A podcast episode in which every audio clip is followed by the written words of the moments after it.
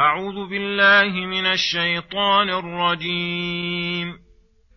وإن من قرية إلا نحن مهلكوها قبل يوم القيامة أو معذبوها عذابا شديدا.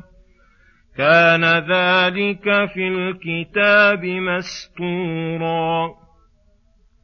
وما منعنا أن نرسل بالآيات إلا أن كذب بها الأولون وآتينا ثمود الناقة مبصرة فظلموا بها وما نرسل بالايات الا تخويفا واذ قلنا لك ان ربك احاط بالناس وما جعلنا الرؤيا التي اريناك الا فتنه للناس والشجره الملعونه في القران ونخوفهم فما يزيدهم الا طغيانا كبيرا واذ قلنا للملائكه اسجدوا لادم فسجدوا الا ابليس قال ااسجد لمن خلقت طينا قال أرأيتك هذا الذي كرمت علي لئن أخرتني إلى يوم القيامة لأحتنكن ذريته إلا قليلا. قال اذهب فمن تبعك منهم فان جهنم جزاؤكم جزاء موفورا. واستفزز من استطعت منهم بصوتك واجلب عليهم بخيلك ورجلك وشاركهم في الاموال والاولاد وعدهم وما يعدهم الشيطان الا غرورا ان عبادي ليس لك عليهم سلطان وكفى بربك وكيلا السلام عليكم ورحمة الله وبركاته. بسم الله الرحمن الرحيم. يقول الله سبحانه وإن من قرية إلا نحن مهلكوها قبل يوم القيامة أو معذبوها عذابا شديدا. أي ما من قرية من القرى المكذبة الرسل إلا لا بد أن يصيبهم هلاك قبل يوم القيامة أو عذاب شديد. كتاب كتبه الله وقضاء أبرمه لا بد من وقوعه. فليبادر المكذبون بالإنابة إلى الله وتصديق رسله قبل أن تتم عليهم كلمة العذاب ويحق عليهم القول. ثم يقول سبحانه وما منعنا أن نرسل بالآيات إلا أن كذب بها الأولون. يذكر تعالى رحمته بعدم إنزاله الآيات التي اقترحها المكذبون وأنه ما منعه أن يرسلها إلا خوفا من تكذيبهم لها. فإذا كذبوا بها عاجلهم العقاب وحل بهم من غير تأخير كما فعل بالأولين الذين كذبوا بها. ومن أعظم الآيات الآية التي أرسلها الله إلى ثمود وهي الناقة العظيمة الباهرة التي كانت تصدر عنها جميع القبيلة بأجمعها. ومع ذلك كذبوا بها فأصابهم ما قص الله علينا في كتابه. وهؤلاء كذلك لو جاءتهم الآيات الكبار لم يؤمنوا فإنه ما منعهم من الإيمان خفاء ما جاء به الرسول واشتباهه هل هو حق أو باطل؟ فإنه قد جاء ومعه من البراهين الكثيرة بما دل على صحة ما جاء به. الموجب لهداية من طلب الهداية فغيرها مثلها.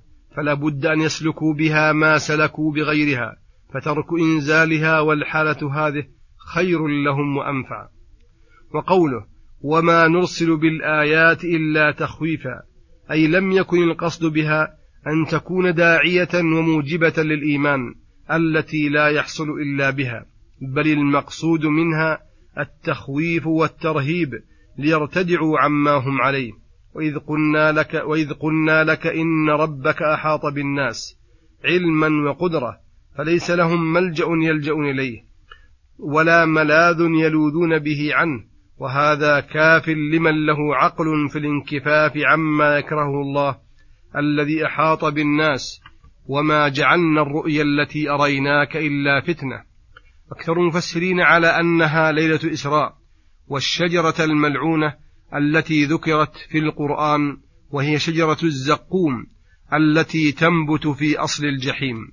والمعنى إذا كان هذان الأمران قد صارا فتنة للناس حتى استلج الكفار بكفرهم وازداد شر شرهم وبعض من كان إيمانه ضعيفا رجع عنه بسبب ما أن ما أخبرهم به من الأمور التي كانت ليلة الإسراء ومن الإسراء من المسجد الحرام إلى المسجد الأقصى كان خارقا للعادة. والإخبار بوجود شجرة تنبت في أصل الجحيم أيضا من الخوارق فهذا الذي أوجب لهم التكذيب. فكيف لو شاهدوا الآيات العظيمة والخوارق الجسيمة؟ أليس ذلك أولى أن يزداد بسببه شرهم؟ فلذلك رحمهم الله وصرفها عنهم. ومن هنا تعلم أن عدم التصريح في الكتاب والسنة بذكر الأمور العظيمة التي حدثت في الأزمنة المتأخرة أولى وأحسن لأن الأمور التي لم يشاهد الناس لها نظيرا ربما لا تقبلها عقولهم فيكون ذلك ريبا في قلوب بعض المؤمنين ومانعا يمنع من لم يدخل الإسلام ومنفرا عنه. بل ذكر الله الفاظا عامة تتناول جميع ما يكون والله أعلم. ونخوفهم بالآيات فما يزيدهم التخويف إلا طغيانا كبيرا. وهذا أبلغ ما يكون في التحلي بالشر ومحبته وبغض الخير وعدم الانقياد له. وعدم الانقياد له ثم ينبه تبارك وتعالى عباده على شدة عداوة الشيطان وحرصه على إضلالهم وأنه لما خلق الله آدم استكبر عن السجود له وقال متكبرا أأسجد لمن خلقت طينا أي من طين؟ وبزعمه أنه خير منه لأنه خلق من نار. وقد تقدم فساد هذا القياس الباطل من عدة أوجه. فلما تبين لإبليس تفضيل الله لآدم قال مخاطبا لله أرأيتك هذا الذي كرمت علي؟ لئن أخرتني إلى يوم القيامة لأحتنكن ذريته أي لأستأصلنهم بالإضلال ولأغوينهم إلا قليلا. عرف الخبيث أنه لا بد أن يكون منهم من يعاديه ويعصيه. فقال الله له اذهب فمن تبعك منهم واختارك على ربه ووليه الحق فإن جهنم جزاؤكم جزاء موفورا أي مدخرا لكم موفرا جزاء أعمالكم.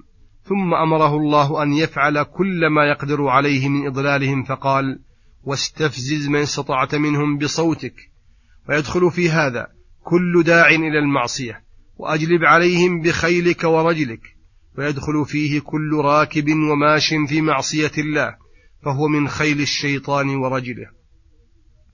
والمقصود أن الله ابتلى العباد بهذا العدو المبين الداعي لهم إلى معصية الله بأقواله وأفعاله وشاركهم في الأموال والأولاد وذلك شامل لكل معصية تعلقت بأموالهم وأولادهم من منع الزكاة والكفارات والحقوق الواجبة وعدم تأديب الأولاد وتربيتهم على الخير وترك الشر وأخذ الأموال بغير حقها أو وضعها بغير حقها أو استعمال المكاسب الردية. بل ذكر كثير من المفسرين أنه يدخل في مشاركة الشيطان في الأموال والأولاد ترك التسمية عند الطعام والشراب والجماع وأنه إذا لم يسم الله تعالى في ذلك شارك فيه الشيطان كما ورد فيه الحديث. وعدهم الوعود المزخرفة التي لا حقيقة لها ولهذا قال وما يعدهم الشيطان إلا غرورا. أي باطلا مضمحلا. كان يزين لهم المعاصي والعقائد الفاسدة ويعدهم عليها الأجر لأنهم يظنون أنهم على الحق.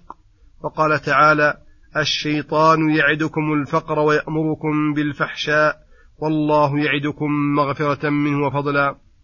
ولما أخبر عما يريد الشيطان أن يفعل بالعباد وذكر ما يعتصم به من فتنته وهو عبودية الله والقيام بالإيمان والتوكل قال إن عبادي ليس لك عليهم سلطان أي تسلط وإغواء بل الله يدفع عنهم بقيامهم بعبوديته كل شر ويحفظهم من الشيطان الرجيم ويقوم بكفايتهم وكفى بربك وكيلا لمن توكل عليه وأدى ما أمر به وصلى الله وسلم على نبينا محمد وعلى آله وصحبه أجمعين. وإلى الحلقة القادمة غدا إن شاء الله. والسلام عليكم ورحمة الله وبركاته.